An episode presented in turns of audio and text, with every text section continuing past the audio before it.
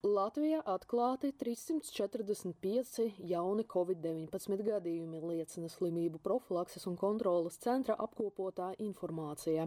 Saņemtas ziņas par četriem mīrušajiem. Viņi visi bija vecāki par 80 gadiem. Ceturtdien kopā veikti nepilni 15 tūkstoši testi.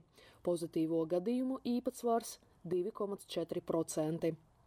Hospitalizēti 35 pacienti ar covid-19. Kopā slimnīcās ārstējas 518 slimnieki. Saima deleģēja ministru kabinetam izstrādāt digitālo vakcinācijas certifikātu. Šīs lēmums ir nepieciešams, lai Latvijas digitālais COVID-19 certifikāts 15. jūnijā kļūtu par daļu no vienotā Eiropas Savienības digitālā certifikāta. Paredzēts, ka šī sistēma ļaus atjaunot turismu. Tāpat saima otrajā lasījumā atbalstīja opozīcijas priekšlikumu pagarināt ārā terašu darba laiku līdz pusnaktī. Ražotāja AstraZeneca Covid-19 vakcīnu apjomam vajadzētu būt pietiekamam otrajam devam, paziņoja veselības ministrs Daniels Pavļuts. 31. maijā Latvija saņems vairāk nekā 56 tūkstošus devu.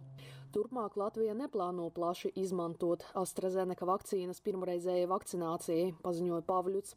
Kā jau ziņots, Eiropas komisija varētu nepagarināt līgumu ar AstraZeneca dēļ neprognozējumām piegādēm. Slimību profilakses un kontrolas centrs pagājušā gada beigās ieteica ņemt visu piedāvāto BioNTech Pfizer vakcīnu apjomu. Saimas parlamentārās izmeklēšanas komisija teica centra direktore Iveta Gavere. Nacionālā veselības dienesta un SPKC pārstāves norādīja, ka uz vakcīnu iepirkšanas brīdi nebija konkrēti sadalītas atbildības. Gavara atzīmēja, ka Covid-19 vakcīnu iepirkums bija sarežģīts, jo neviena no vakcīnām vēl nebija reģistrēta. Viņa uzskata, ka vakcinācijas process, citēju, varēja tikt vadīts un prioritizēts citādāk, bet krīzes vadība no ministrijas puses varēja būt augstākā līmenī. Nākamnedēļ valdība lems par mazumtirdzniecības ierobežojumu atcelšanu, teica raidījuma Delfi TV ar Jāni Domburu, valsts kancelēs direktors Jānis Citskovskis. Tas nozīmē, ka visi tirzniecības centri varētu atjaunot darbu.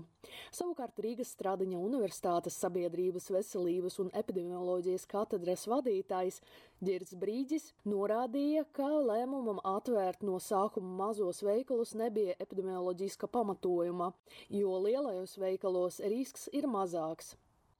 Covid-19 dienas apskatu sagatavoja Ksenija Kaļiesņikava, portāls Delfi.